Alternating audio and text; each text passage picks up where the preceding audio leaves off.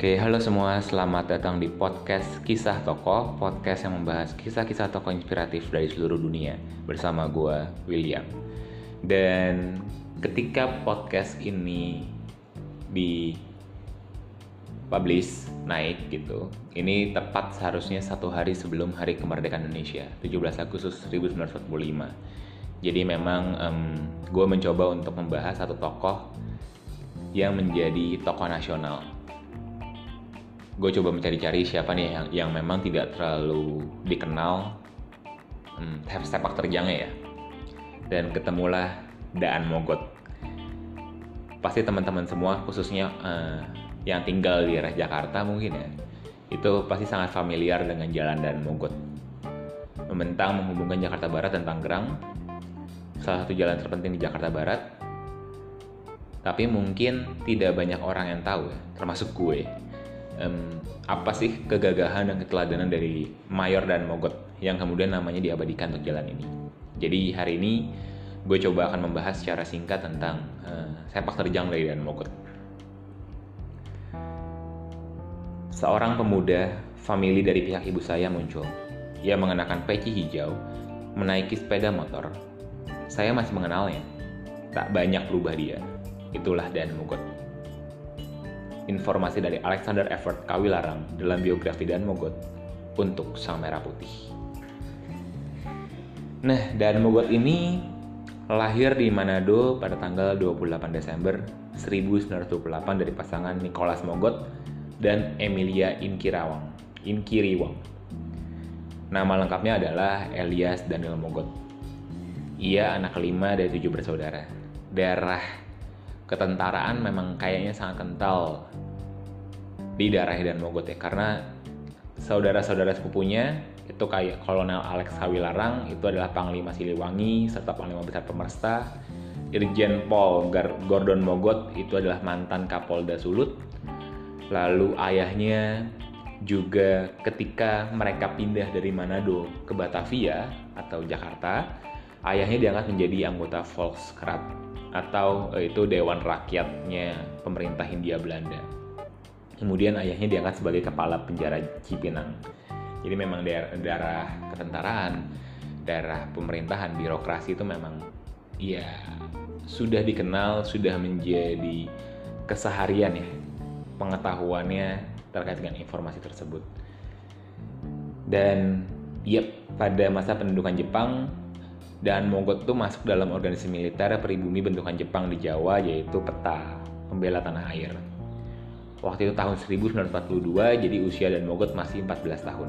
Sebenarnya usianya belum memenuhi syarat karena syarat dari pihak Jepang usia untuk peta adalah di 18 tahun.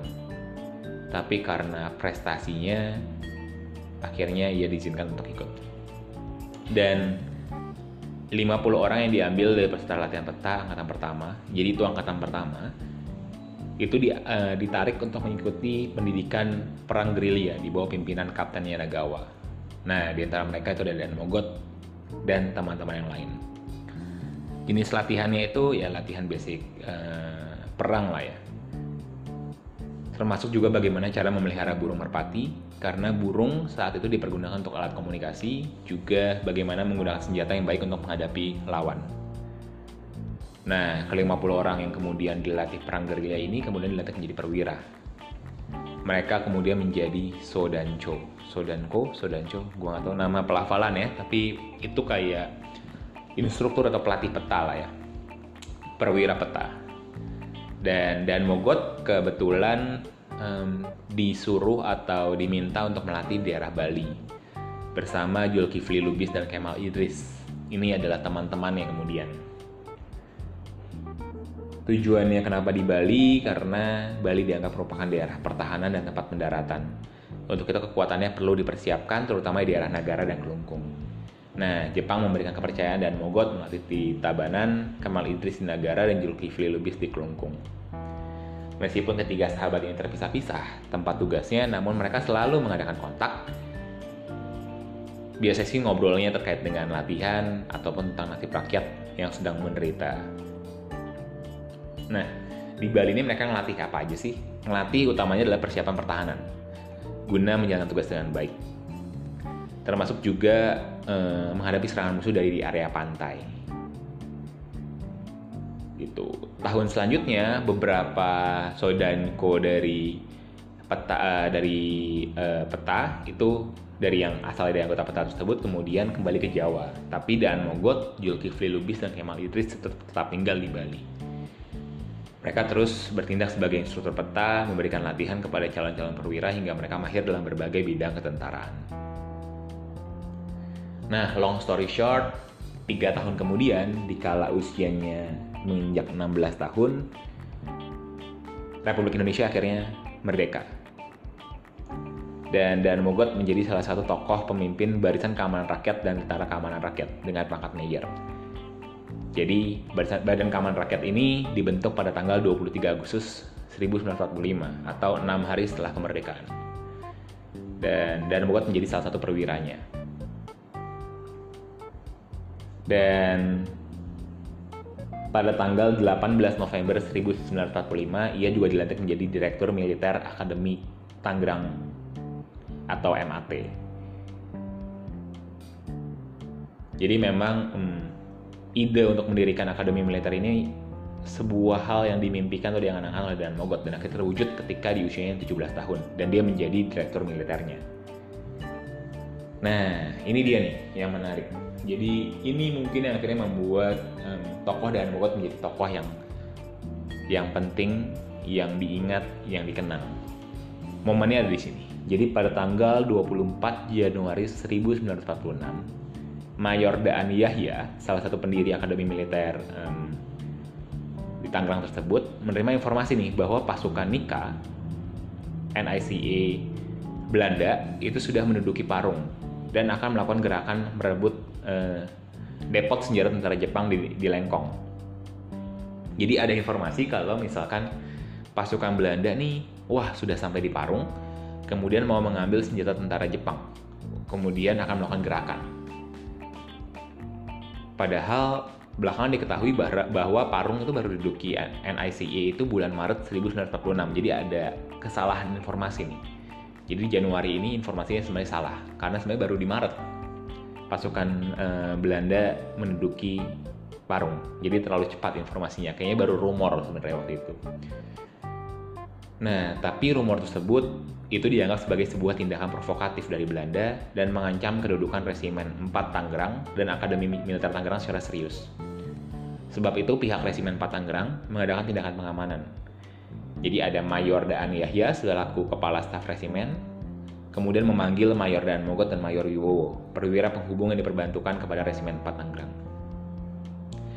Nah, kemudian hari berikutnya, tanggal 25 Januari 1946, sekitar pukul 2 siang, berangkatlah pasukan eh, PKR ya, Tentara Keamanan Rakyat, di bawah pimpinan Mayor dan Mogot dengan berkekuatan 70 taruna militer Akademi Tangerang dan 8 tentara Gurkha jadi mereka berangkat kayaknya untuk menyelamatkan senjata tentara Jepang supaya tidak diambil oleh pasukan Belanda. Karena kan tadi mikirnya pasukan Belanda sudah nyampe dan pengen mengambil uh, senjata tentara Jepang. Juga ada beberapa perwira yaitu Mayor Wibowo, Letnan Subinto Jojo Hadikusumo, dan Letnan Sutopo. Jadi gerakan ini balik lagi dilakukan untuk mendahului jangan sampai senjata Jepang senjata-senjata Jepang, di mana Jepang waktu itu sudah menyerah kepada sekutu, kemudian malah diserahkan kepada Belanda. Yang takutnya ya kalau misalkan sampai ke tangan Belanda, maka kemudian Belanda akan melakukan serangan kepada eh, Tangerang ya, kepada MAT terutama. Setelah melalui perjalanan yang berat karena jalannya rusak, penuh lubang-lubang, perangkap tank, barikade-barikade, Akhirnya pasukan tentara Kaman Rakyat ini tiba di markas Jepang di Lengkong sekitar pukul 4 sore. Jadi waktunya kurang lebih 2 jam. Kemudian tidak jauh dari gerbang markas, truk diberhentikan, pasukan TKR turun. Mereka memasuki markas tentara Jepang dalam formasi yang biasa. Jadi Mayor dan Mogot, Mayor Wibowo, dan Taruna Alex Sajuti berjalan depan dan mereka bertiga kemudian masuk kantor Kapten AB. Nah, sementara yang mengelola atau yang mengatur pasukan Taruna MAT itu diserahkan kepada Letnan Subianto dan Letnan Sutopo untuk menunggu di luar. Dan gerakan pertama ini tidak masalah, berhasil dengan baik, mengesankan pihak Jepang. Mereka ngobrol, mereka diskusi, Mayor dan Mogot menjelaskan maksud kedatangannya, dan Kapten AB meminta waktu untuk menghubungi atasannya di Jakarta karena dia belum memperoleh perintah dari atasan tentang perlucutan senjata. Jadi nggak ada tuh informasi kalau misalkan Nika akan uh, ngambil, juga belum ada informasi kan kalau misalkan hmm, MAT atau TKR juga akan mengambil senjata dari Jepang. Nah, kemudian perundingan berjalan nih. Tapi rupanya Letu Subianto dan Letu Sutopo itu sudah mengerahkan para taruna memasuki sejumlah barak dan melucuti senjata yang ada di sana dengan kerelaan dari anak buah Kapten AB. Sekitar 40 orang Jepang disuruh berkumpul di lapangan. Jadi ya di kala itu hmm, ketika negosiasi ini sedang terjadi, ketika diskusi sedang terjadi, uh, Letus Subianto dan Letus Topo ini mengambil inisiatif lah untuk melucuti senjata Jepang duluan. Karena toh um, orang Jepang sudah menyerah juga dari sekutu kan. Jadi mereka juga tidak tidak tidak melakukan perlawanan lah. Nah, permasalahan terjadi karena tiba-tiba terdengar suara bunyi tembakan. Nggak tahu dari mana datangnya. Bunyi tersebut segera disusul oleh rentetan tembakan dari tiga pos penjagaan bersenjatakan mitraliur yang diarahkan kepada pasukan Taruna yang terjebak. Jadi tiba-tiba nih pasukan Taruna ini jadi terjebak nih. Karena tiba-tiba ada tembakan-tembakan yang dilakukan oleh siapa nggak tahu. Nah, hal inilah yang membuat serdadu Jepang lainnya yang semula sudah menyerahkan senjatanya, kemudian berhamburan merebut kembali sebagian senjata mereka yang belum sempat dimuat ke dalam truk. Jadi tanpa tanpa ada persiapan perlawanan, tiba-tiba ya ini tentara Jepang melakukan perlawanan, mengambil senjata-senjata yang belum dimasukkan ke dalam truk. Dan dalam waktu yang amat singkat berkorbarlah pertempuran yang tidak seimbang antara pihak Indonesia dan pihak Jepang. Jadi memang pihak Jepang ini dengan pengalaman tempur yang cukup lama, tunjangan dengan persenjataan lebih lengkap, itu menyebabkan Taruna MAT ini menjadi sasaran empuk. Jadi selain senapan mesin, orang uh, pihak Jepang juga melakukan pelemparan granat, serta juga ada perkelahian sangkur seorang lawan seorang. Otomatis dan Mogot yang lagi ada di um, kantornya uh, kantornya Kapten AB kemudian segera beralih keluar meninggalkan meja perundingan dan berupaya berharap untuk menghentikan pertempuran, tapi tidak berhasil. Dan akhirnya Mayor dan Mogot bersama rombongan dan anak buahnya, Taruna Akademi Militer Tangerang, yang masih bisa bertahan hidup, meninggalkan asrama tentara Jepang, mengundurkan diri ke hutan karet yang disebut hutan Lengkong. Dan dalam pertempuran, Mayor dan Mogot terkena peluru pada paha kanan dan dada. Jadi memang sudah sudah terancam, sangat terancam. Dan ia juga melihat anak buahnya yang memegang senjata mesin mati tertembak. Jadi senjata mesinnya ketika tidak ada yang menggunakan, ia mengambil inisiatif mengambil senapan mesin tersebut dan menembaki lawan. Dan ia kemudian Mayor dan Mogot sendiri, kemudian dihujani peluru tentara Jepang dari berbagai penjuri. Jadi akhirnya di sanalah Mayor dan Mogot e, meninggal dunia. Totalnya 33 taruna dan 3 perwira gugur, 10 taruna luka berat, e, kemudian juga Mayor Wibowo bersama, dengan 20 taruna ditawan, dan yang berhasil lolos sendiri cuma tiga taruna yaitu Sudarno, Menot, dan Usman Syarif dia lolos pada tanggal 26 Januari dan tiba di markas komando resimen TKR Tangerang pada pagi hari. Dan ini kemudian pasukan Jepang ini jadi kalap ya. Dengan penuh kebengisan, hmm, hmm, apa e, mereka tentara Indonesia yang telah luka terkena peluru tapi masih hidup itu dihabisi dengan tusukan bayonet. Ada juga yang tertangkap sudah keluar dari tempat perlindungan lalu kemudian ya di beberapa juga dihabisi gitu dan beberapa orang yang masih hidup menjadi tawanan Jepang itu dipaksa untuk menggali kubur bagi teman-temannya. Jadi teman-teman yang terluka kemudian dihabisi, juga ada yang sudah meninggal, itu dikuburkan oleh teman-temannya sendiri. Jadi dalam keadaan terluka, ditawan, mereka juga masih dipaksa menggali kuburan untuk para rekan-rekannya. Sedangkan nasib mereka juga belum jelas nih. Setelah mereka menggali kuburan, mau diapakan oleh tentara Jepang. Jadi memang situasi yang sangat pelik, situasi yang sangat rumit, situasi yang sangat peluk lah ya. Dan kisah inilah kisah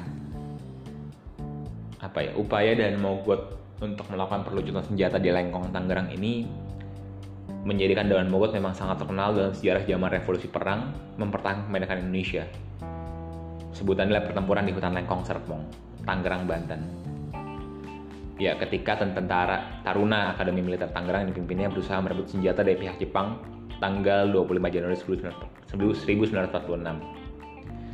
Jadi akhirnya Dan Mogot meninggal dunia di usia yang sangat muda, yaitu usia 18 tahun. Baru mungkin sekitar satu bulan ya dia merayakan ulang tahun. Kemudian Arya harus meninggal dunia. Yang agak cukup menyedihkan memang situasinya sementara ia dan Mogot berjuang dengan sepenuh hati, dengan sepenuh tenaga, dengan sepenuh perjuangan mempertahankan kemerdekaan Indonesia, bahkan akhirnya rela gugur di medan pertempuran, ayahnya justru, justru tewas dibunuh para perampok yang menganggap bahwa orang Manado itu londoh-londoh atau antek-antek Belanda. Gitu. Jadi orang Indonesia sendiri membunuh um, ayahnya. Itu adalah sebuah ironi. Dan tanggal 29 Januari 1946 atau setelah 4 sampai 5 hari kejadian pertempuran tersebut diselenggarakanlah pemakaman kembali total 36 jenazah yang gugur dalam peristiwa Lengkong. Disusul juga tambahan satu orang taruna namanya Soekardi yang luka berat namun akhirnya meninggal di rumah sakit Tangerang. Mereka dikuburkan di dekat penjara anak-anak Tangerang. Jadi selain para perwira di Tangerang, Akademi Militer Tangerang, kantor menghubung tentara hadir pula pada upacara tersebut Perdana Menteri RI waktu itu Sultan Syahrir, Wakil Menlu RI Haji Agus Salim, yang putranya itu Syeket Salim ikut gugur dalam peristiwa tersebut, beserta tentu saja para anggota keluarga Taruna yang gugur dalam pertempuran tersebut. Dan Mayor dan Mukutip juga punya pacar sebenarnya, itu namanya Hajari Singgih dan ia memotong rambutnya yang panjang mencapai pinggang dan menanam rambut itu bersama jenazah dan mongkot. Setelah itu rambutnya tak pernah dibiarkan panjang lagi. Uh, merinding banget ya perjuangan dari Mayor dan Mogot dan anggota Taruna lain yang kemudian fight untuk melucuti tentara sejarah Jepang, tentara eh, senjata tentara Jepang, tapi kemudian harus meninggal di medan pertempuran. Dan ya itulah sejarah singkat dari Dan Mogot.